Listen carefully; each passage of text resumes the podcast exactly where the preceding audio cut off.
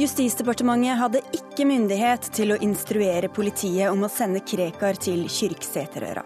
En skikkelig smekk på fingrene fra lagmannsretten, sier jurist. Kommunereformen er preget av trusler og tvang, mener Senterpartiet. Tvert om, den gir mer makt til lokalsamfunnene, parerer kommunalministeren. Konkurransetilsynet vil at alle som vil skal få kjøre drosje. Helt sykt, mener Taxiforbundet, som frykter næringas død. Og KrF har ikke mistillit til justisminister Anders Anundsen, men krever ny behandling av asylbarna som er sendt ut.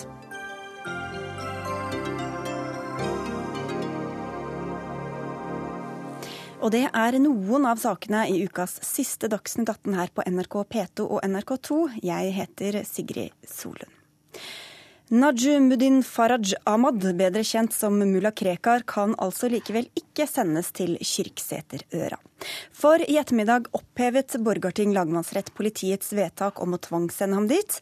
Retten sier at Justisdepartementet hadde brukt en instruksmyndighet overfor politiet som de slett ikke hadde. Og politiinspektør Vegard Rødås, hvordan ser dere på denne kjennelsen fra lagmannsretten?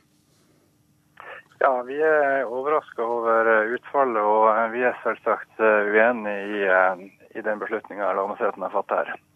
Men hadde dere fattet dette vedtaket om å tvangsbosette Krekar på Kyrksæterøra hvis det ikke lå en instruks der fra Justisdepartementet? Ja, det hadde vi. Det ligger en politifaglig vurdering bak den beslutninga. Ulla Krekar utgjør en trussel mot rikets sikkerhet. Det gjør han ved å oppfordre andre mennesker til å begå alvorlig kriminalitet. Eh, og vi har sett at eh, en rekke terroraksjoner nå i det siste har blitt begått av unge mennesker som vi må anta har blitt eh, radikalisert av personer av samme type som mulla Krekar. Politiet mener at denne trusselen vil bli redusert hvis han plasseres ut av det ekstreme miljøet i Oslo og til et mer oversiktlig sted langt unna. Men hvorfor gjorde dere ikke dette før den instruksen kom fra Justisdepartementet da?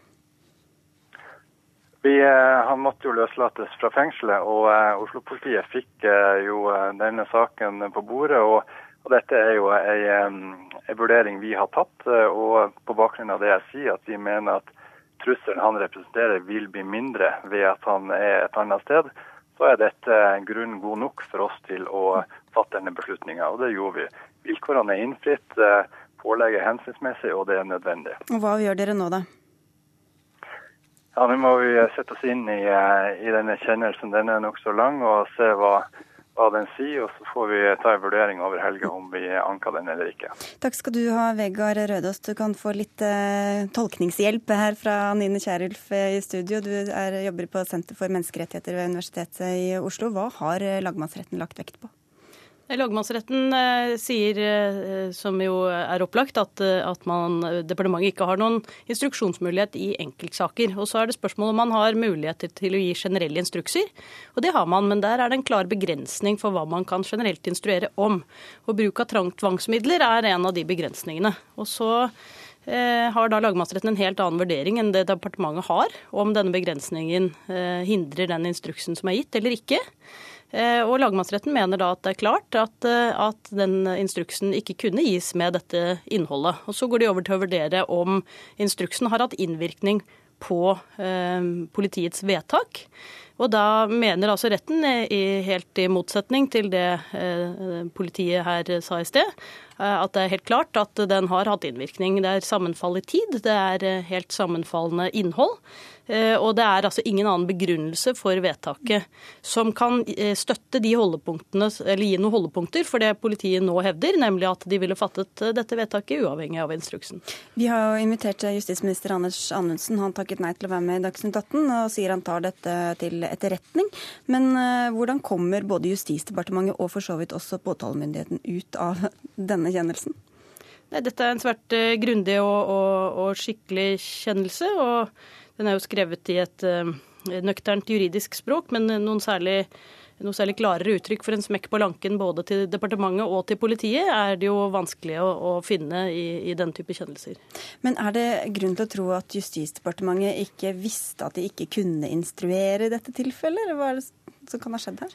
Det er jo vanskelig å spekulere, spekulere, i grunnlaget. Det er jo ikke noe tvil om at det er ganske eh, innfløkt juss, men, men det generelt Eh, og overordnede prinsipielle spørsmålet her, nemlig eh, kan man gjennom denne type instrukser instruere politiet om tvangsmiddelbruk? Det burde være ganske nærliggende å, tenke seg i alle fall at det kunne bli en problemstilling, slik at man vurderte det eh, i forkant av instruksen, og at dette fremgikk på en annen måte av instruksen at man hadde vurdert det, og hvordan man hadde vurdert det, enn det det er gjort i dette tilfellet. Dette er jo en annen konklusjon enn den tingretten kom til da den behandlet saken. Hvordan er det de har lagt lagt vekt på av ulike momenter?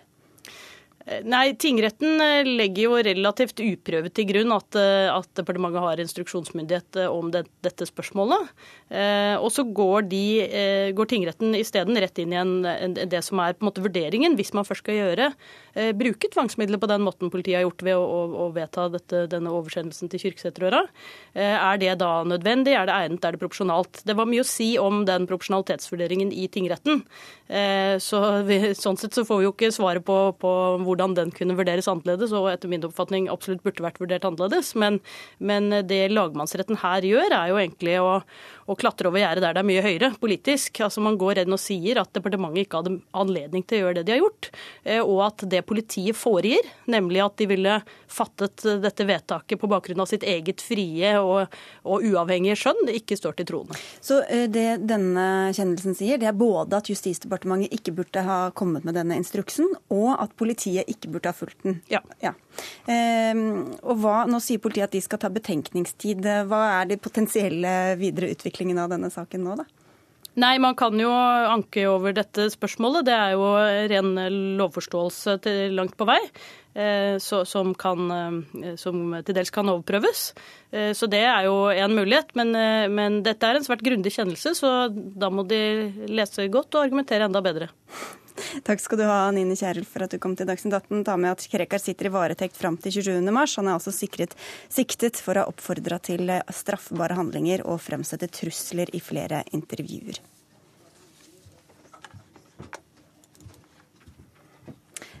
Da skal vi eh, videre til eh, kommunesammenslåing eh, og kommunestrukturen. Mer makt til kommunene, mindre statlig styring.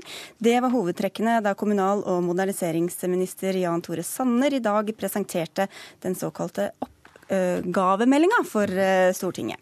Meldinga er en del av regjeringas pågående kommunereform, hvor den går gjennom hvilke oppgaver de nye og større kommunene kan få ansvar for. Og Jan Tore Sanner, hva er det i dette forslaget som gir mer makt til kommunene? Det er eh, Hele reformen handler egentlig om to ting. Eh, og Det ene er at vi skal sørge for at innbyggerne våre får bedre tjenester i årene som, som kommer. Og det andre handler om at lokalpolitikerne skal få mer handlingsrom, slik at de kan utvikle sine lokalsamfunn. Eh, og da overfører vi oppgaver til kommunene innenfor særlig tre områder. Det ene handler om velferdsområder. Det kan være områder hvor staten sitter med litt ansvar og kommunene sitter med litt ansvar. Da blir det kamp om ressurser. Eh, de som har behov for offentlige tjenester kan fort falle mellom ulike stoler. Det vi gjør er å overflytte tannhelsetjeneste til kommunene. Det henger godt sammen med skolehelsetjenesten, kommunehelsetjenesten. Vi, vi vil gi kommunene større ansvar når det gjelder rehabilitering. Vi vil sørge for at kommunene får større ansvar når det gjelder barnevern, mer helhet i tjenestene. Så gir vi kommunene større ansvar og mer handlingsrom når det gjelder arealplanlegging, når det gjelder utmarksforvaltning. Kommunene skal få mulighet til å gi konsesjoner på småkraftverk. Og så er det noen forvaltningsoppgaver, som at eh, kommunene skal kunne ha ansvar for borgerlige vielser. Så her er det noen store oppgaver og noen mindre oppgaver. Men det, sånn som jeg har forstått det, så er det ikke sånn at alle kommuner skal få de samme oppgavene heller. Det avhenger også av størrelsen på kommunene og hva de er i stand til å takle? Hvordan skal man bestemme hvem som skal få ansvaret for hva? Eh, det er en helt klar forutsetning for overføring av oppgaver at kommunene blir større. Fordi at det er for mange kommuner i dag som har små, sårbare fagmiljø. Og det vil kunne gå utover tjenestene til, til, innbyggerne. Så vi må få større og sterkere kommuner. Men så er det vårt utgangspunkt at eh, kommunene skal i utgangspunktet ha de samme oppgavene, men vi åpner for at eh, storbyområdene kan få noen ekstra oppgaver hvis det gir et likeverdig tilbud både i storbyen og i områdene rundt. Marit Arnstad, du er parlamentarisk leder i Senterpartiet og er med oss fra landsmøtet dere har i Haugesund. Sterkere lokalsamfunn, flere oppgaver til kommunene, sier regjeringa. Hvorfor hører vi ikke jubel og glede likevel? Jo, Senterpartiet er positiv til å desentralisere oppgaver fra staten og ned til fylkene og kommunene. Eh, og det syns vi er bra. Men eh, det er jo noen sider av de forslagene som regjeringa i dag kommer med som eh, er egnet til å eh, stille noen store spørsmålstegn. Det ene er jo at de desentraliserer ikke oppgaver til alle kommuner. De desentraliserer oppgaver til de større kommunene. Og Det betyr at du skaper jo et A- og et B-lag av kommunene. Eh, det andre er jo at med de overføring av oppgaver fra regionalt nivå til kommunene som en foreslår her, så skapes det en viss usikkerhet om hva det er regjeringa egentlig vil med det regionale nivået. Da snakker du om fylkeskommunen? Jeg snakker om fylkeskommunen, fordi Jeg kan ikke forstå hvorfor det er nødvendig å f.eks. Eh, føre tannhelsetjenesten ned fra fylkeskommunen til kommunene. Tannhelsetjenesten fungerer godt som en fylkeskommunal oppgave i dag. Og Det tredje er jo regjeringas favorisering av storbyene framfor andre kommuner. Som gjør at en blir litt usikker på hvordan regjeringa tenker strukturelt. Jeg syns det vil være svært uheldig om storbyene alene får det ansvaret som fylkeskommunen i dag har når det gjelder samferdsel. Du er nødt til å se samferdsel i sammenheng i et større område enn selve storbyen. Du må se det i en regional sammenheng. Ja, da kan man jo spørre seg hva skal vi med fylkeskommunen eh, etter hvert nå her, Sanner? Jeg eh, legger til grunn det Stortinget har, har, vedtatt. Eh, og Vi har blitt enige med Kristelig Folkeparti og Venstre om at vi skal beholde tre forvaltningsnivåer. Og jeg mener at fylkeskommunene og regionene kan ha viktige oppgaver eh, i årene som kommer, særlig innenfor det som handler om samfunnsutvikling. Det er forskjell på Innlandet og Vestlandet. Jeg mener Men de får mindre å gjøre med denne reformen? Nei, Vi er åpne for også at fylkeskommunene kan få flere oppgaver. Men la meg ta tak i én ting, nemlig tannhelse tannhelse. Har veldig lite med fylkesveier og kollektivtransport å gjøre. De som har rett til offentlig tannhelse, det er barn i barnehage, det er unger i skolen som går til skolehelsetjenesten, det er eldre som er på, på, på sykehjemmet. Det er med andre ord kommunale tjenester. Jeg er overbevist om at kommunene kan gi mer helhetlig tilbud. Det er viktig for innbyggerne våre. Dette Reformen handler egentlig ikke om kommunene eller fylkeskommunene, det handler om innbyggerne våre. Og Det er innbyggerne som skal få bedre tjenester, og det er lokalpolitikerne som skal få mulighet til å utvikle sine lokalsamfunn. Og så er jeg helt uenig når Marit Arnstad snakker om A- og B-kommuner, for det ligger i bånn av denne reformen at vi holder fast ved det som kalles for generalistkommuneprinsippet, nemlig at alle kommuner i utgangspunktet skal ha samme oppgaver. Du skal få svare, Arnstad, men vi skal bare først høre fra Gunn Marit Helgesen også. Du er styreleder i eh, kommunesektorens organisasjon, altså KS. Og du har sagt at denne reformen ikke gir mer makt til kommunene. Hva tenker du på da? ja, Det har jeg vel ikke sagt. Har du ikke sagt Det Det jeg har sagt, er at uh, vi synes at uh, det regionale folkevalgte nivået At det skaper usikkerhet om det. fordi Da er vi inne på fylkeskommunen igjen. Ja. Det vi sier er at uh, Meldingen gir, gir, angir en retning som er veldig bra, nemlig å overføre mer makt til lokalt folkevalgte og for å sikre gode velferdstjenester. Og Vi er også veldig fornøyd med at det er generalistkommuneprinsippet som legges til grunn, og som er forutsetningen for, som er hovedmodellen. Og Det forventer vi også da gjelder det regionalt folkevalgt nivå, at det er generalistprinsippet som legges til grunn. Så uh, syns vi det er flott at uh, regjeringen og Sanner har uh, lagt vekt på at det regionale nivået må ses i sammenheng med kommunestrukturen. Fordi det henger sammen, og det har også vi ment. Og det mener vel også hele fylkeskommune, eller eh, fylkesordførerkollegiet også, at det er en viktig forutsetning. Eh, så har vi også sagt at Det som er litt synd, er når man begynner å trekke ut noen av ansvarsområdene som fylkeskommunene har i dag, før man har konkludert på det regionale nivå, er uheldig. F.eks. allerede nå å si noe om videregående skoler og kollektivtransport. At det ses ikke i sammenheng, da, mener du? Nei, fordi det må ha et veldig mye større eh, område og et større innbyggertall for å kunne løses på tilstrekkelig vis. Og det er for så vidt også det som står i meldingen, nemlig at her er det eh, viktige forutsetninger som legges til grunn. Men det skaper usikkerhet om hva som skal være på det regionale nivået. Og da kan vi høre med Sanner, da, hvorfor begynner i den enden nå å fjerne, fjerne oppgaver før dere har gått gjennom hele strukturen? Her syns jo det var mye godlyd fra, fra kommunene, ja, og det er jo det jeg også har hørt i dag fra ordførere fra alle partier, at man ser veldig positivt på mange av de oppgavene som, som flyttes. Så det vi gjør nå, er jo at vi inviterer fylkeskommunene inn i kommunereformen. Og det er helt naturlig å se på fylkeskommunen når vi ser på, ser på kommunene. Vår gjennomgang av oppgaver det har handlet om hva er best for innbyggerne våre. Eh, og jeg nevnte tannhelse i sted. Men hvorfor lite... begynte dere i den enden? Det var egentlig det jeg spurte ja, det synes jeg, det syns jeg er helt naturlig. Eh, fordi at Stortinget har sluttet seg til at vi skal gjennomføre en kommunereform. Vi starter med det grunnleggende nivået, nemlig kommunene. Så sier vi at nå inviterer vi fylkeskommunene inn. Eh, og vi er tydelige på hva som skal være fylkeskommunenes hovedoppgave. Og det handler om samfunnsutvikling. De har ansvar for fylkesveier, viktige oppgaver når det gjelder Nasjonal transportplan. Næringsutvikling, okay, kompetanse. Det det Der har de en viktig oppgave. Hvis vi, hvis vi, lar eh, fylkeskommunen ligge litt, eh, Arnstad. Du snakket om A- og B-lag, og at noen, eh, sånn som store, altså byene, får flere oppgaver osv. Men hvordan er det negativt så lenge de som er små kommuner, ikke får mindre oppgaver og, og færre ting å gjøre?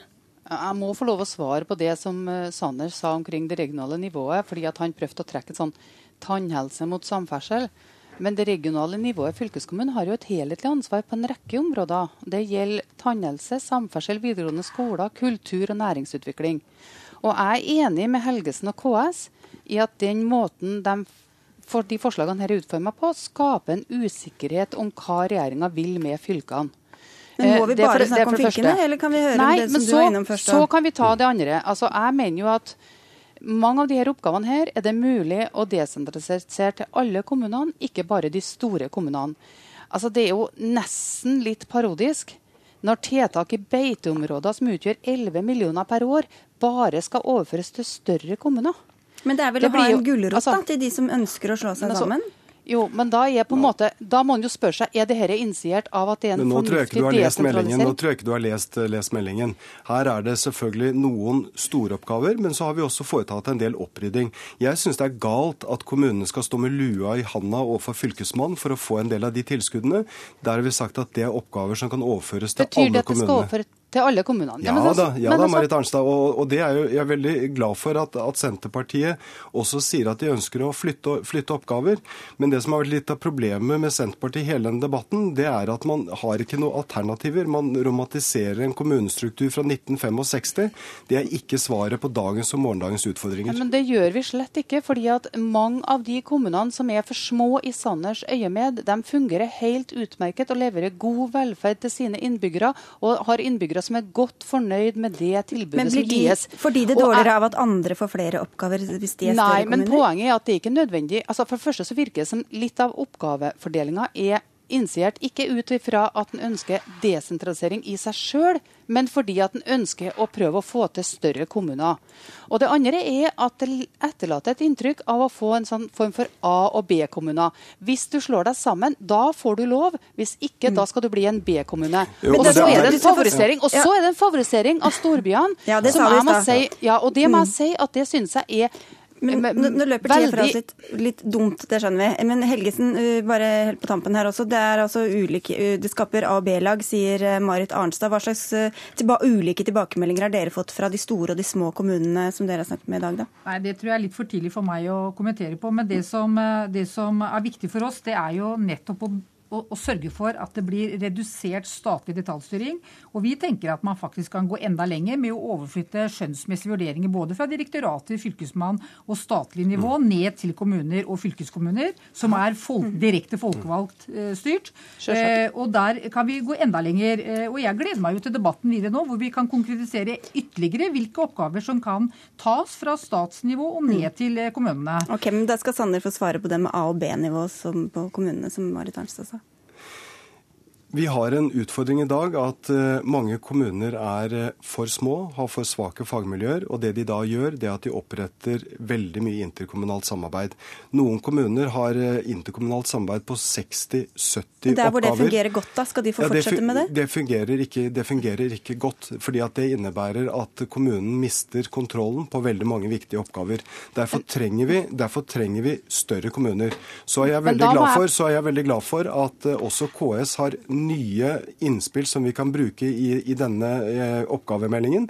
Det er vi åpne for, for jeg tror ikke at, eh, at noen har eneste fasitsvaret her. Så her ønsker vi et, eh, et bredt samarbeid. Men så må vi aldri glemme at dette handler om innbyggerne våre. Det er innbyggerne som skal få bedre tjenester, og det blir konsekvensen av de forslagene vi nå har lagt på bordet. Ok, Ti sekunder, Marit Ernstad. Jeg bare sier, Når du da skal flytte på en måte distriktspsykiatrisk senter ut til kommunene, og et av dem ligger i Namdalen, hvor stor skal den kommunen da bli for at den skal tilfredsstille Sanders sine vilkår?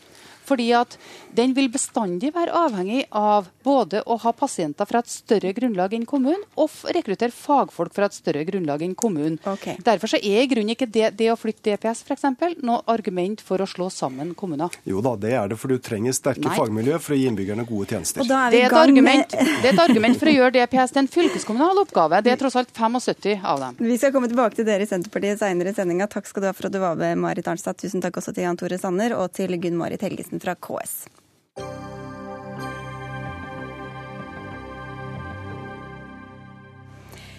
Vi holder oss til regjeringa og deres vyer, for eh, regjeringa lover en miljøvennlig oppdrettsnæring når den åpner for at næringa skal bli fem ganger så stor som i dag fram mot 2050. Det til tross for store problemer med bl.a. lakselus og rømming. Fiskeriminister Elisabeth Aspaker, hvorfor vil dere utvide denne næringa så kraftig? Dette er en fantastisk viktig næring for Norge allerede i dag. Eh, Vi, blir, eh, vi er nå utsatt for lavere oljepris, trenger å få flere solide bein å stå på. Og da er faktisk norskekysten og Norge et veldig godt sted å starte hvis man både vil produsere mer mat til verden, men også skape flere arbeidsplasser i denne næringa. Og ikke nok med det, dere skal gjøre det på en miljøvennlig måte, lover du. Hva ligger i det? Ja, I det så legger vi at vi heretter skal eh, styre vekst ut ifra hva som er naturens eh, tålegrense. Så vi har jo tenkt da eh, å dele kysten opp i det vi har kalt for produksjonsområder. Så setter vi opp et trafikklys, og så har vi noen miljøindikatorer. Og så er det de indikatorene som vil avgjøre om det er mulighet eh, for næringa å vokse videre. Altså, med et imaginært trafikklys, eh, ja, antar jeg? et slags, altså det settes opp noen sånne grenseverdier som disse indikatorene eh, skal måle. Og så vil man da avgjøre om miljøpåvirkninga fra næringa er sånn at den enten kan få lov å vokse. Er miljøpåvirkninga moderat, så blir lyset gult, og da blir det produksjon på dagens nivå. Eh, Er miljøpåvirkninga uakseptabel, så lyser det rødt, og da må man faktisk ta ned produksjonen. Sånn holder de på i klasserommet til datteren min også i tredje klasse. Maren Esmark, du er generalsekretær i Naturvernforbundet, og du eh, kaller dette et uforsvarlig forslag, trafikklys til tross. Hvorfor det? Eh, jo, fordi det man gjør nå er at man premierer en næring som ikke har kontroll på sine miljøeffekter, med å få lov å vekse, vokse. Vi mener at eh, i de områdene hvor det, situasjonen i dag er eh, ganske belastende, altså der er, vi snakker om ganske store mengder lakselus som man ikke greier å få kontroll på, som eh, går utover sårbare sjøørret og villaksbestander, at man burde begynt i andre enden og sagt at de områdene som er røde og gule, hvis vi nå forholder oss til dette trafikksystemet, og eh, rydde opp der. Og når næringa beviser at den greier det, så kan vi snakke om vekst i framtida. Ja, men Det er jo det nettopp dette systemet skal gjøre. Det kommer ikke videre vekst hvis man ikke kommer seg ut av gule og røde lys i disse produksjonsområdene. Men det blir ganske meningsløst hvis det ligger godt til rette for at man skal kunne videreutvikle næringa på deler av kysten. Også fordi at det er rødt i Hordaland, så skal det være full stopp i Finnmark selv om lyset der er grønt. Det er ikke å ta næringa på alvor. og jeg mener at vi, vi legger naturens egne tålegrenser til grunn. Og så har vi altså 25 000 kilometer kystlinje i Norge, og det er ikke logisk at den trenger å forvaltes som én enhet. hvorfor skal alle skjæres eh, over en kam, da, Esmark, i stedet for at man ser på hvor de klarer det, og hvor de ikke, hvor de har mulighet til å vokse? Jo, for dette er en næring som har nå tidoblet kjemikaliebruken sin på to år. Vi har ikke kontroll på lakselusa i det hele tatt. Og det som nå skjer, er at du bringer problemet videre til Finnmark. Og sier som så at i Finnmark er ikke ødelagt ennå, så nå fyller vi opp med nye oppdrettsanlegg. Og så får vi ta sjansen på hvordan det går. Man må gjøre omvendt. Man må rydde opp i de områdene hvor det er verst. Og hvis de greier det, så kan vi eventuelt Men så sier de at de har jo kontrollmekanismer. De skal ikke få lov. De skal da blir skifte lyset fra gult til rødt og grønt til gult osv. Hva, altså, hvor godt holder de kontrollmekanismene de har lagt inn, mener dere? Jeg tror ikke de kommer til å holde. Eh, vi i Naturvernforbundet har ingen tro på at det kommer til å holde. Bevis det først. altså Rydde opp i de områdene hvor vi i dag har et problem. Bevis at vi har de tiltakene som trengs. Så kanskje en vekst seinere. Jeg syns Naturvernforbundet har et problem når de sier at vi har ikke tro på. Altså, Vi har presentert et system i dag hvor vi både skal selvsagt kontrollere næringa på lokalitetsnivå. altså hver, hver oppdretter skal fortsatt kontrolleres, man skal telle lus. Mattilsynet skal sette inn tiltak. tiltak. Vi ønsker å få det her under kontroll. Det er lusene som er ja, og det er lusa som i dag er den store utfordringa. Holder det å se bare på lus, mener du? Esmer? Nei, du har en næring som har altså Hvis du ser på kjemikaliebruken i oppdrettsnæringa de siste årene nå, den har eksplodert! Og da er det, det antibiotika og all mulig nei, det er ikke andre, nei, det er de kjemikaliene man bruker til å behandle på, på, for lakselus. Altså, det er enorme mengder som slippes ut i dag. Ved å la næringa vokse, så blir det mer. De har ikke greid å bevise i det hele tatt at de greier å redusere miljøeffektene. Tvert imot. Men da får de vel ikke ekspandere heller, da? Hvis ikke de jo, det er jo det som skjer nå. De får en premie for å ikke greie å kontrollere lusa, nemlig at de får lov til å øke de områdene hvor det i dag ikke er så ille. Så du gjør det egentlig verre langs hele kysten. jeg vi, jeg må bare få legge til. Jeg er helt uenig i den beskrivelsen. For faktum er at vi også kommer til å stramme inn på legemiddelbruken. Og vi har en resistensutfordring i dag. Og så må vi lete etter alle de andre metodene som også kan brukes til på en vellykka måte å bekjempe lus. Ja, du kan ikke sitte og vente, altså, du kan ikke da la dem vokse mens vi leter etter de metodene. Få på plass de metodene som virker. Bevis at man greier å kontrollere lusa. Ja. Og når du har bevist det, kanskje en vekst senere. Nei, men Næringa er Altså, de jobber på spreng med alle disse metodene. Veldig mange av selskapene er allerede i gang med f.eks. å oppdrette sin egen rensefisk. Altså man oppdretter berggylte, eh, leppefisk, og man oppdretter rognkjeks. Så putter man den i merda, og så er dette fisk som spiser lusa, med på en på en naturlig måte å, å renske opp i lusa. Så gjøres det masse utviklingsarbeid i forhold til å få andre mærtyper osv. som bidrar til å minske lusepresset. Men skal dere også se på kjemikaliebruken for hvem som skal få lov å ekspandere ja, eller ikke? Det er jo også et tema. ikke sant? Vi ser jo i dag at vi har utfordringer Ligger det inne i dette trafikklyssystemet? Nei, det er, ikke, det er ikke en indikator, men vi følger nøye med på kjemikaliebruken. Og også næringa sjøl innser jo Men også de som bruker veldig mye kjemikalier, skal få lov til å ekspandere? Vi vi skal følge næringa tett og nøye. Eh, og vi skal, finne, og vi skal ha i verktøykista etter hvert som har flere, flere verktøy Men de som har brukt Men mye lus, kjemikalier og der hvor de har økt, skal også få lov til å ekspandere? Lus som indikator kommer til å bestemme om man får lov å vokse eller ikke. Og vi skal ha fortsatt en tett og nitidig kontroll og oppfølging av næringa. Og hva kan skje da hvis det bare er lusa som skal få bestemme om, de, om næringa skal få ekspandere eller ikke? Nei, Vi risikerer jo at uh, neste år, når 2015 er over, har vi da doblet kjemikaliebruken? Er det å følge nøye med og bare se på at det stiger? For vi lurer på når er det man skal sette inn tiltakene. Hva er det som er nok? Når er det denne næringa har fått lov å slippe ut nok? Nei, men eh, altså, Mattilsynet har veldig gode rutiner for å følge opp eh, næringa. Jeg har gitt, har, har gitt Mattilsynet ekstra fullmakter til faktisk å ta ut lokaliteter som fungerer som rene lusefabrikker. Det tas mange grep nå for å få ned lusepresset i norsk havbruksnæring. Og så er det sånn at det presset er stort noen plasser, og så er det situasjonen veldig gunstig andre plasser. Og vi må greie å forvalte denne næringa på en sånn måte at når lyset er grønt, så må man kunne vokse i nord og så er lyset rødt i, på Vestlandet, så må man på en måte kunne akseptere at da skal man ta ned produksjonen der. Og altså, Det håper jeg virkelig at kommer til å skje. Og vi ser fram til at regjeringa nå har tenkt å rydde opp f.eks. i Hardangerfjorden okay, men... og redusere biomassen der. Så det håper jeg virkelig at det, dette jo, betyr. Helt på tampen, Maren Esmark spørre seg, Dere er jo veldig mot norsk oljenæring og gassnæring også, at den skal eh, vokse. Det er et forsøk på å få norsk økonomi over på andre næringer, da. Så, Vet du hva? Og der er vi helt enige. Ja, at bare, bare norsk fiskeri- og havbruksnæring må være en del av framtida. Olje og gass er det ikke.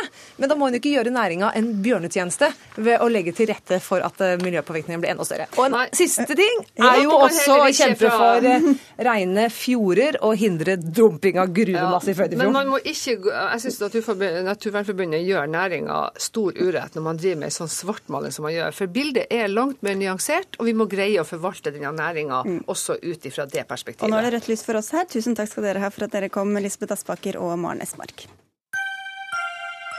Snart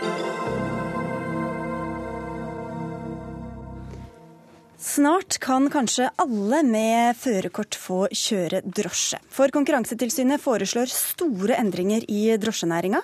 Bl.a. vil de fjerne prisreguleringa og åpne for at alle som vil kjøre drosje, skal få løyve. I dag kan bare de som har det som hovedvirksomhet, få kjøre. Eh, fagdirektør i Konkurransetilsynet Kjell Sundevåg, det er du som står bak forslaget, som nå er sendt til næringsministeren. Hvorfor vil dere gjøre så store endringer i eh, drosjenæringa? Ja, dette er jo en av Konkurransetilsynets oppgaver å påpeke konkurransebegrensende reguleringer. Eh, og drosjenæringen den er overregulert. Eh, vi mener at tiden er overmoden nå for å gi næringen si, rammebetingelser som er um, fremtidsrettet. Det er på høy tid å se på behovsprøvingen, og det er på høy tid å, å se på uh, prisreguleringen som, som gjelder for drosjenæringen for store deler av landet. Hva er det dere vil endre på?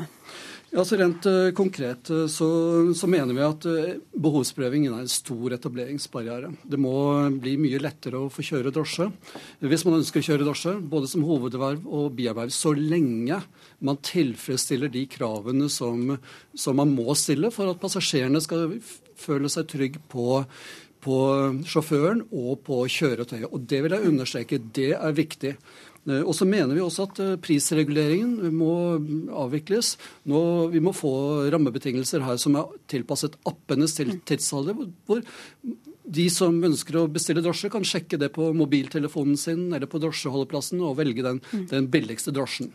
Kommunikasjonssjef i Norges Taxiforbund, Atle Hagtun, du kalte forslaget helt sykt, og det har vi snakka med deg tidligere i dag. Hva er det som er så sykt? Ja, Vi har, vi har et slagord som heter 'taxi overalt, alltid'. Um, og Det er på en måte fundamentet for den lovgivningen vi har. Den er jo ikke til for næringens skyld, men for kundene og for tilbudet. Og alle politikere vi har snakka med som, eh, som, diskuterer dette, er enig i at vi skal fortsette å ha det sånn. Og Høyres uh, samferdselsråd i Nord-Trøndelag sa det sånn at han vil også ha taxi overalt alltid, og ikke noen steder av og til. Ja, For det er det dere frykter at det kan gå ut over ja, det distriktene? Ja, det er det det handler om. Og dette er ikke bare distriktet. for jeg tror at et kommersielt eh, grunnlag for å drive døgnkontinuerlig tilbud på, på drosje er det kun grunnlag for i to-tre største byene i landet. Så alle småbyer, alle små steder og alt rundt i distriktene, så vil eh, drosjetilbudet blir borte på nattestid hele uka og på søndag formiddag f.eks. Ja, for disse reguleringene som dere vil til livs i Konkurransetilsynet, sikrer altså at det er drosjer eh, tilgjengelig da både rundt om i landet og også til alle tider. Hvordan skal dere sørge for at det er drosjer der når man trenger det, uansett hvor man er? Altså Problemet i dag er at man eh, gjennom behovsprøvingen så har du en veldig liten fleksibilitet i drosjetilbudet. Du har et gitt antall eh, biler. Eh, men, og Det innebærer i realiteten at du har veldig mange biler når det ikke er behov for det, og så har du få biler når det, når det virkelig er behov for det. Det er klart at Når man da åpner opp for dette at drosjekjøring kan være bierverv, og man kan kjøre i helger eller på nattestid eller fulltid, så, så lenge man tilfredsstiller man si, sikkerhetskravene, så vil du få en helt annen fleksibilitet i, eh, på tilbudssiden. Men Hvordan det... vet du at de kommer til å være der eh, når man trenger dem? Altså, også på landsbygda og også klokka fire om morgenen? Ja, altså Nå tilsier erfaringene fra de landene som har gjort eh, det som, som vi mener vi bør gjøre oss i Norge, bl.a. Sverige og New Zealand, de tilsier jo ikke at, det, ikke at, det, er noe grunn til bekymring i forhold til et svekket drosjetilbud. Snarere tvert imot. Det har vært en betydelig økning i antall, antall som ønsker å kjøre drosje i, i disse landene. Det er jo en merkverdig påstand. Den holder jo ikke mål i det hele tatt. Og det er klart at Tilbudet øker veldig i storbyene, for da blir det alles kamp for de lønnsomme kundene. Men at det er dramatisk svikt utover andre steder, det, det kan det ikke være tvil om. Og Det er jo det som er litt av problemet, at Konkurransetilsynet er på veldig tynn faglig is her. Sist, sist de fremma dette forslaget i 2012, så fikk de jo bl.a. motbør fra seniorforsker Erik Nevdal i Frischsenteret, som, som, konkluderte slik en, i en uh, kronikk i Dagbladet. Konkurransetilsynets anbefalinger er ikke fundert på verken teori eller praksis. Og da begrunna det godt i kronikken. Og alle andre fagmiljøer som har undersøkt dette, viser jo det samme. Så det er jo ikke, det er ikke faglig grunnlag for det tilsynet påstår. Og vi mener jo at de driver ren politikk. Ja, så Erfaringsmaterialet som fra de landene som har gjort dette, tyder ikke på at det er noen grunn til å bekymre seg for, for drosjetilbudet. Og alle de, som har, eh, nå, alle de som nå har stått på, på Gardermoen og brukt den store skjermen der for å bestille eh, den billigste drosjen til der hvor man eh, skal, vet hvilket potensial som ligger i dette når man også får det i lomma eh, gjennom smarttelefonen eh, eller gjennom eh, bestilling på de største drosjeholdeplassene, f.eks. Men bare spørre deg, Hvordan skal man kvalitetssikre sjåfører? Sjåførene både sånn sikkerhetsmessig og også at de vet hvor de kjører og rutene hit og dit, hvis det er stadig nye sjåfører som kjører liksom litt på si? Altså, det er helt klart at uh, det er viktig at uh, de som skal kjøre drosje, tilfredsstiller de uh, si, sikkerhetskravene. må være opp til myndighetene å bestemme hvordan, hva de kravene skal være.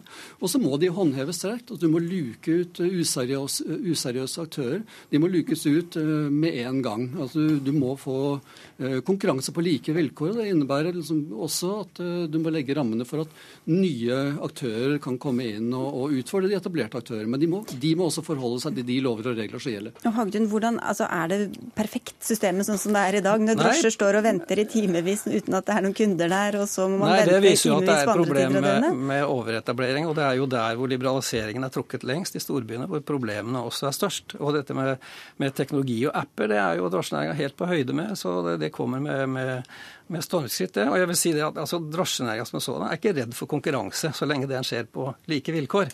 Så hvis det er sånn at myndighetene vil fjerne taksameterplikten, som for øvrig er hjemla i EU-direktiv Hvis man vil fjerne kjøreplikten, som er selve fundamentet for tilbudet overalt alltid, og hvis man tar bort samfunn, det samfunnsoppdraget som regjeringen har formulert i sin uh, erklæring, så må jo vi tilpasse oss det. Og, og mye av drosjenæringa vil klare seg i den konkurransen, men det, det, er jo publikum det vil gå utover. Og jeg er helt sikker på at hvis dette skulle fremme som et seriøst forslag politisk, så vil det bli ramaskrik når folk oppdager konsekvensene. Vi får se. Nå er det oversendt næringsministeren. Takk skal dere ha for at dere kom til Dagsnytt 18 denne fredagen. Atle Hagtun fra Norges Taxiforbund og Kjell Sundevåg fra Konkurransetilsynet. Hør Dagsnytt 18 når du vil. Radio NRK Radio.nrk.no.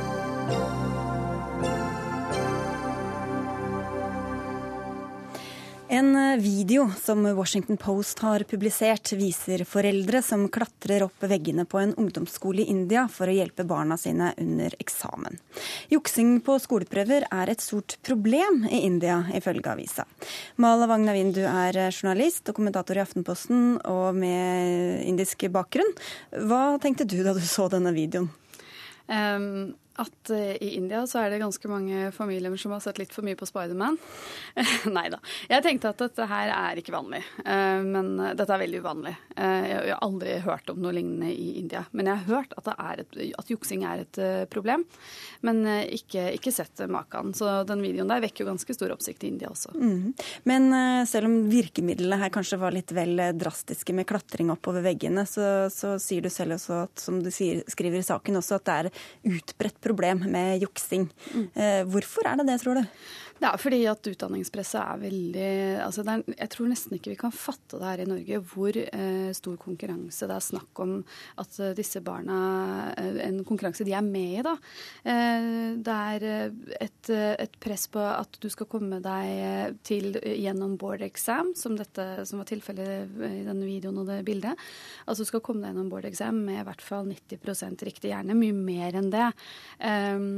og så ser man da at elever, elever som studerer hardt og ikke klarer å få over 90% de føler seg ganske mislykket. Og det var jo tilfellet i fjor, tror jeg det var, at en 15 år gammel eh, skoleelev begikk selvmord fordi han bare hadde fått 65 mm. og og det betyr at han eh, er utelukket fra mange sånne prestisjetunge yrkesretninger. Ikke sånn lege, medisin, eh, de tingene. Det kan de bare glemme. Ja, Hva skjer med de barna som, eh, som, ikke når opp da, videre i utdanningsløpet? Nei, altså De må jo om, områ seg. De må finne på noe annet. Men det er klart familien føler jo det som et stort tap av ære. I dette med å, å komme seg videre, altså kom, få gode karakterer og komme inn på de mer prestisjetunge studiene, så, så eh, hvis, altså det betyr også en klassereise for familien. Og i India er jo dette med klassereise et ganske altså Det er et fenomen vi nesten ikke kan forstå. For den sosiale mobiliteten familiene vil få eh, gjennom barna, da. Den, den, den, det settes ganske mye forventninger til den mobiliteten. Og man ser at uh, familier bruker en stor andel av inntekten på, på privatundervisning, såkalte tuitions, som foregår da etter skoletid. Så mye fritid og bruke tid på venner og sånn, det, det, er ikke populært. Så det forklarer litt av foreldrenes innsats også i denne videoen? Mm, ja, absolutt. Men, men, Bihar, som denne videoen kommer fra, er jo et eh, ganske fattig område, eh, en delstat, som, som, sliter med høy kriminalitet og mange andre problemer. Så jeg tenker at der, dette er også et utslag av sånn ekstremt behov for å, for, å, for å, stå på denne eksamen. Og ut fra det du sier, så holder det ikke nødvendigvis bare å pugge og være flink på skolen for å komme seg videre i eh, utdanningssystemet? Nei, og pga. det så har man også sett uh, reklamer i India hvor, hvor, man oppmuntrer barna og foreldrene til å slappe litt mer av. For det skaper et enormt uh, altså mye indre og ytre press hos barna. og er, indiske, altså Studier viser at uh, elevene er ganske stressa. Og derav også forstyrrende høye tall når det gjelder selvmord. Mm. Hvordan, Du har jo også slekt og familie i India. Hvordan er en skolehverdag for et eh, barn eller ungdom der, eh, kontra hvordan den ser ut for norske elever? Den er ganske tøff. Det er mye press. Eh, jeg hører fra min egen familie som vil ha barna sine inn på gode skoler, at det er krav til at de skal ha så og så mange, mye sånn donations, da, hvor mye penger kan dere donere til skolen. Noen skoler sikter seg inn på familier hvor foreldrene har høystatusyrker. Det er også et, eh, store forventninger til at barna skal eh, stå på alle eksamener med veldig veldig gode karakterer. Eh, og det blir også noe som familien smykker seg med. Da. Og tusen, altså Blant de fattige så har jo tusen vært vanlig, sånn, altså ekstra undervisning etter skoletid. vært vanlig at de flinke elevene gjorde for de litt dårligere elevene. Og så begynte man å ta betalt. og så har det systemet eskalert. da. Så nå ser man at hvis du skal over til høyere utdanning, så har liksom både Harvard og Cambridge kommet seg til India og begynt å tilby da ekstraundervisning. Og du sa at denne videoen også har skapt eh, en del eh, reaksjoner i India. Hva, hva slags reaksjoner da? Nei, man ler jo litt av det. Det siste jeg så på Twitter nå, var at, uh, at uh, indre, som i sånn sedvanlig stil begynte å bekymre seg for at verden lo av dem, da. Det var ikke helt greit. det, vi er jo imponert over klatringa. ja, det er bra. Takk skal du ha, Mala Magnamin. Dagsnytt 18 alle hverdager klokka 18.00 på NRK P2 og NRK2.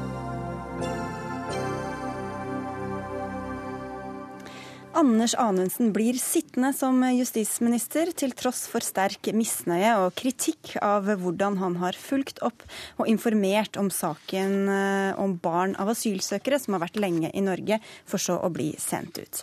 For i dag sa Kristelig Folkeparti at de, i motsetning til SV og Arbeiderpartiet, ikke vil si at de har mistet tilliten til Anundsen. Og hva er grunnen til det, Hans Fredrik Røvan, du er KrFs mann i Stortingets kontroll- og konstitusjonskomité? Jeg vil først eh, understreke at det vi har gjort i dag, det er å vedta den skarpeste kritikken som Stortinget kan vedta eh, før mistillit. Eh, vi har kalt eh, Anundsens håndtering av saken som eh, svært alvorlig og sterkt kritikkverdig.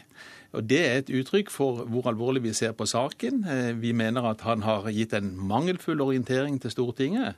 Den klare politikkendringen som eh, han annonserte, den finner vi ingen spor av. Og vi opplever at eh, det er en del relevant informasjon som rett og slett er holdt tilbake. Men hva var da formildende som gjorde at dere ikke falt ned på mistillit allikevel? Vi opplever det sånn at uh, Anundsen har formidla uh, den kunnskapen og informasjon til Stortinget som han trodde var korrekt informasjon på det tidspunktet han informerte Stortinget. Eh, vi opplever samtidig også at han har beklaget beklaga overfor Stortinget at den eh, prioriteringsendringen som var gjort i tildelingsbrevet til POD, ikke var blitt oppfatta og gjennomført. Dette ble også gjort i høringen, og han tok til dels tydelig sjølkritikk i høringen, hvor han sa at dette var grunnlag for å kunne ha gjort på en mye bedre måte. Det har vi lagt inn som en forutsetning for den konklusjonen som vi gjorde. Vi har eh, som nevnt før spurt eh, om Anders Anundsen ville være med i Dagsnytt 18 i dag. Han takket nei også til å være med i denne saken. Eh, han er jo sikkert glad for at han ikke trenger å se seg om etter en ny jobb, men du er skuffa, Bård Vegar Solhjell fra SV. Du sitter i samme komité som Grøvan var saksordfører. Hva syns du om KrFs vurdering av saken? Nei, jeg er jo ikke overraska, men jeg er saklig uenig og syns jeg tar feil hvis jeg bare hadde sett på de rent saklige forholdene. Det virker som KrF langt på vei enig i den kritikken jeg og SV har kommet med, men at jeg syns at den ikke skal få så alvorlige konsekvenser. Og Det tror jeg er en feilvurdering i det tilfellet her. For det dreier seg om avgjørelser som har fått de mest alvorlige konsekvenser for mange mennesker i Norge. Eh, og der det faktisk kunne blitt annerledes. Vi skal huske at saken kom opp i Stortinget på et tidspunkt der det ble stilt mange spørsmål, og der Venstre og KrF lot være å stemme for et forslag som kunne stoppe det. Lot være å ta initiativer fordi de fikk informasjon som så viste seg å være feil. Jeg tror òg den feilvurdering å legge så vekt i det tilfellet her på beklagelsen. Jeg er enig i at en beklagelse var bra i Stortinget når Anders Anundsen kom med den. Men så viser det seg jo at etter den så har man fortsatt å gjøre feil. Fortsatt å fortelle eh, at det åpnet seg en mulighet i Afghanistan for å sende barn hjem når det ingenting åpna seg.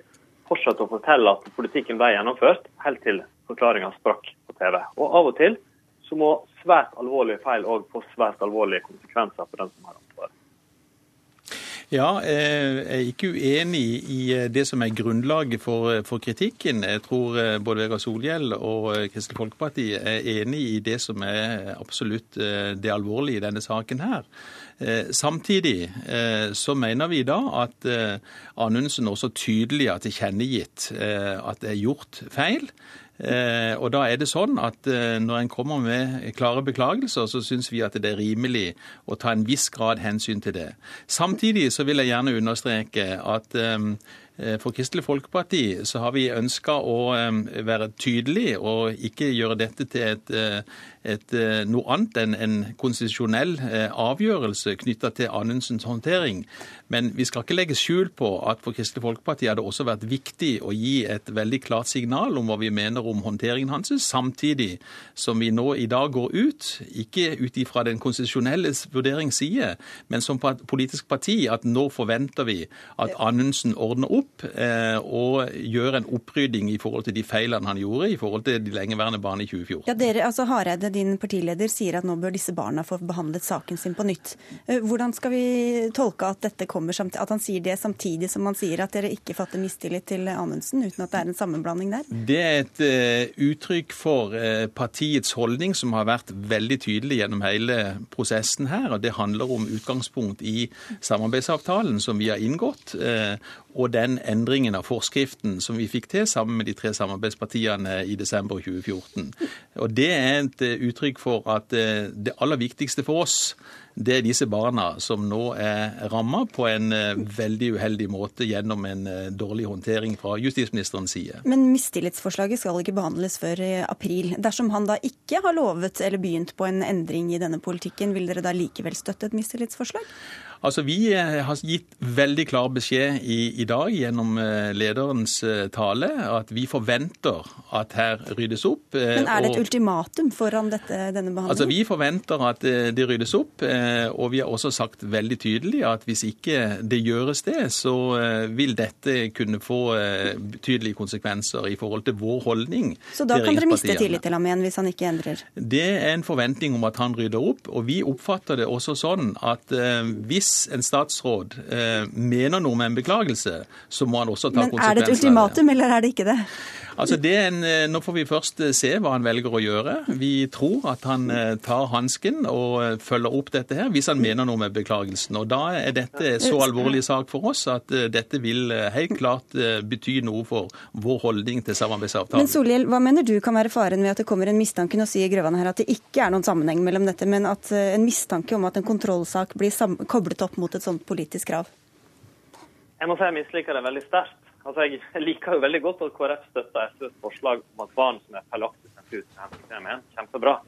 Men hvis man begynner å blande politiske spørsmål, der vi krangler og er uenige og prøver å finne ut av ting, med konstitusjonelle spørsmål, altså det som handler om selve spillereglene for alle sakene, da er vi på ville veier. Eh, fordi må, folk må kunne stole på at Stortinget uavhengig vurderer de konstitusjonelle forholdene, altså Grunnloven, om justisministeren har fulgt opplysningsplikten i Grunnloven, uten å skule til om det kan gi mer eller mindre gjennomslag i andre saker. Så mitt råd vil være vær så tøff som dere er i den saken om barn hjem fra Afghanistan. Det er kjempebra at dere støtter forslaget SV har lagt inn i Stortinget, men det ville være veldig alvorlig hvis det var en formell eller uformell kobling. Og da vil du si at Det- ikke det er det? Det er ikke noe formildende okay. omstendighet i forhold til vår steinharde kritikk i denne saken her, Mm. men det er et uttrykk for at vi ønsker å oppnå noe mer enn en konstitusjonell kritikk, eh, som vi har gjort eh, veldig skarp i dette tilfellet her.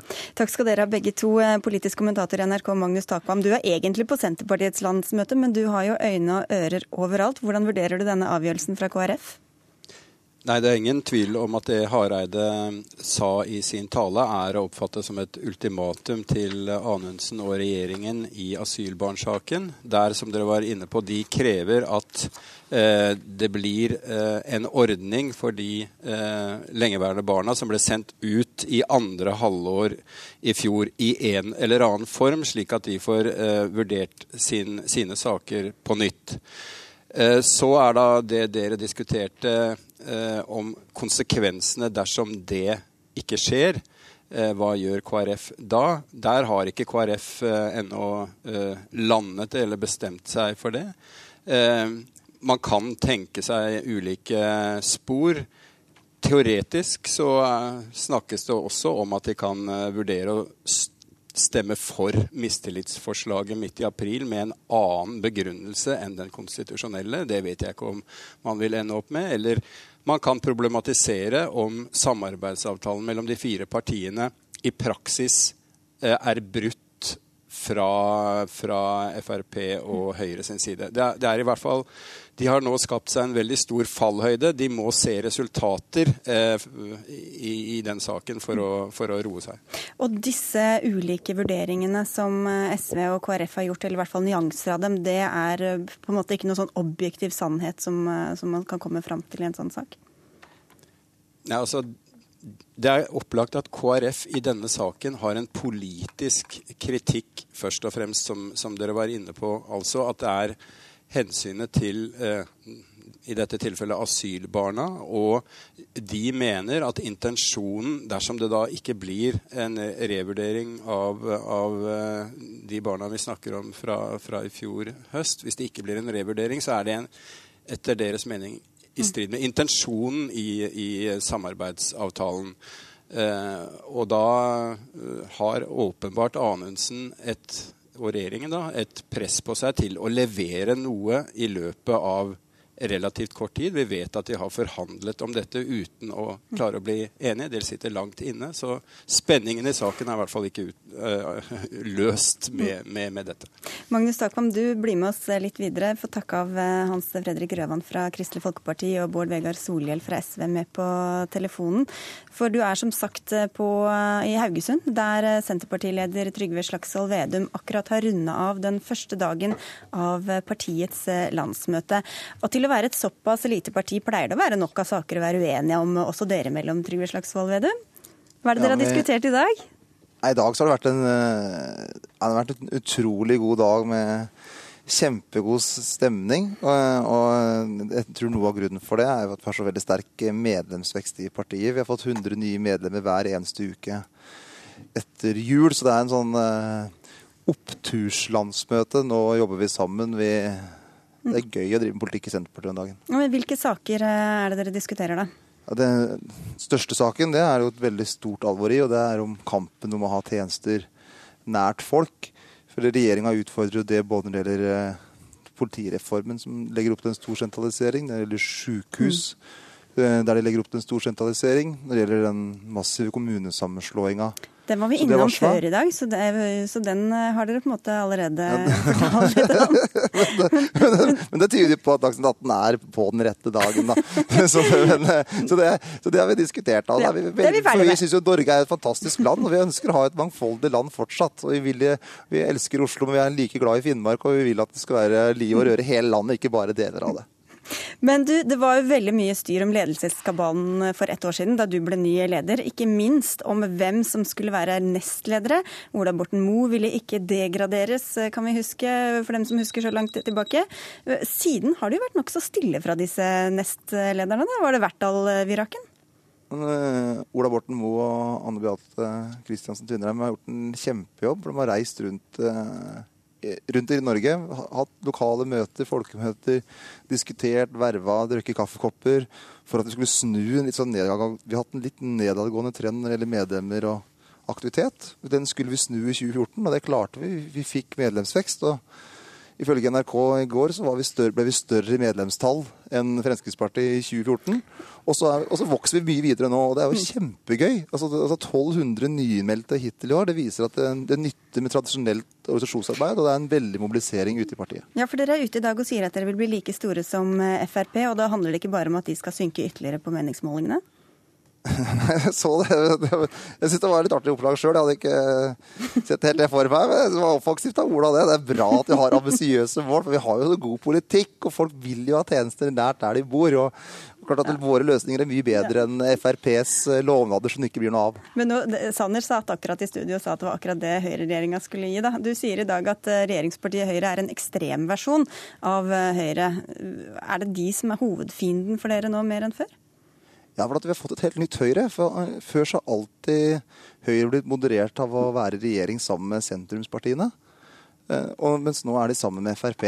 Og det er den mest ekstreme sida av Høyre vi har fått. Og mm, F.eks. den politireformen som de kaller en nærpolitireform. for Da høres det finere ut. Men så, så skal jo da f.eks. Rjukan og Bærum være i samme politidistrikt.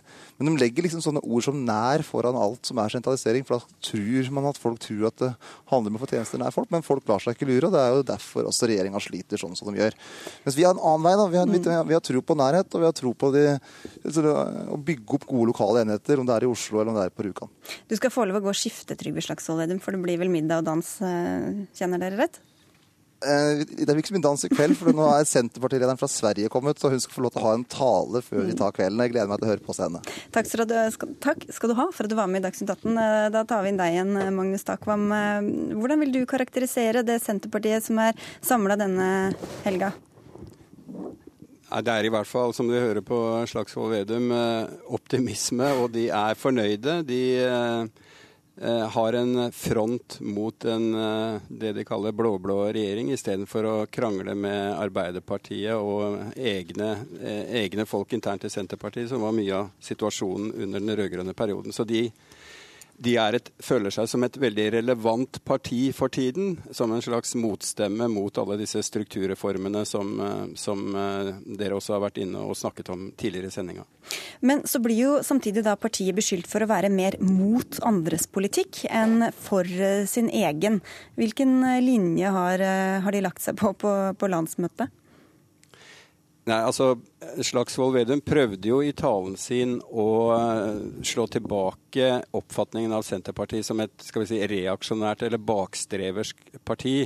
Og eh, hvis man leser litt på Twitter osv., så, videre, så er det, er det, mange som prøver å Eller som ironiserer over, over det du spør om. Og eh, han sier vel enkelt sagt at det å være mot, mot disse reformene er å være for noe annet. Men det er klart at for mange velgere så framstår nok Senterpartiet litt i tråd med det du sier. Men poenget er at eh, Slagsvold Vedum snakker ikke til dem som rynker på nesa over slike ting. Han snakker til det velgersegmentet han har en sjanse til å mobilisere. Uh, og da legger han retorikken opp etter det. Ut fra hva Slagsvold Vedum sa, så var det ikke måte på hvilken medvind partiet har i ryggen med en voldsom medlemsvekst osv. Er det en helt nøytral beskrivelse av eh, utviklinga av Senterpartiet? Selvfølgelig ikke, men uh, det er jo riktig at i lokalvalg så gjør Senterpartiet det alltid bedre enn i nasjonale målinger. og de har anstendige tall eh, sammenlignet med hva de har hatt eh, i, i, i, trøblete perioder nå. og eh, Det skal ikke så mye til å, å få opp gløden av, av den grunn. Så, men, men de, de, som, som eh, Ola Borten Moe sa, så har de et relativt hårete mål, eh, som det heter, dersom de skal greie å slå Frp når det gjelder oppslutning i mm i lokalvalget til høsten. Og så var det, som vi var inne på, ganske krasse personkonflikter eh, i, i åra som er gått. Hvordan er det med harmonien i partiet nå? Nei, Nå er det jo eh, det vekket. Det er klart at det er, det er gift for et parti å ha så bitre personkonflikter midt i toppledelsen. De sitter i møter eh, jevnlig, og, og, og, det å ha den typen personkonflikt er ødeleggende. Og det var jo en konflikt mellom Navarsete og, og Borten Moe, eh, som man kan mene hva man vil om, men den, eh, den er i hvert fall borte. Tusen takk skal du ha, Magnus Takvam. Du får gå tilbake til eh, Senterpartiets landsmøte. Dagsnytt 18 er nemlig over for i dag. Det var Alf Hartgen, Frode Thorshaug og Sigrid Solund som hadde ansvaret for det.